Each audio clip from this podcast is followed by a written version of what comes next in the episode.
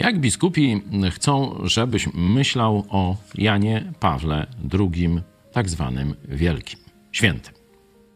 Chcą, żebyś miał taki pomnikowy obraz człowieka, który tu na ziemi obalił komunę, był takim prawie nad człowiekiem, ale no to już zostawmy, a teraz jest w niebie.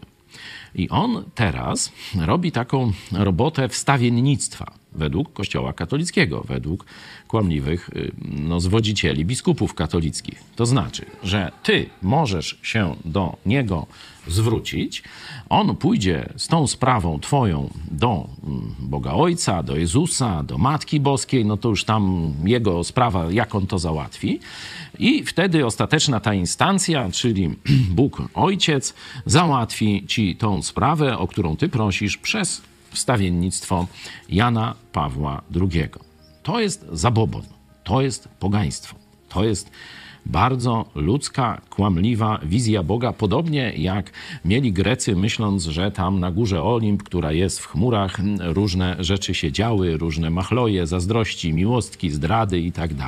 To jest przeniesienie świata ludzi, że w partii PiS na przykład możesz sobie załatwić robotę w Orlenie, nie? jak e, syn pani e, Szydło, czy w jakiejś tam spółce no, zależnej od towarzysza e, z Orlenu i tak dalej. Oni to przenoszą na Boga.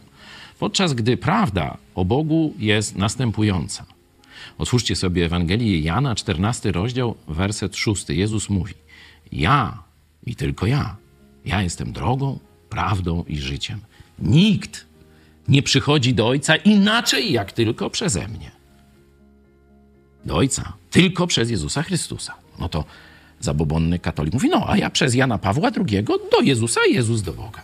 Otwórz sobie pierwszy list do Tymoteusza, drugi rozdział, piąty werset. Albowiem jeden jest Bóg, jeden też pośrednik między Bogiem a ludźmi.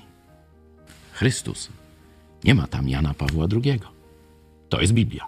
A to jest zabobon katolicki. Co wybierasz?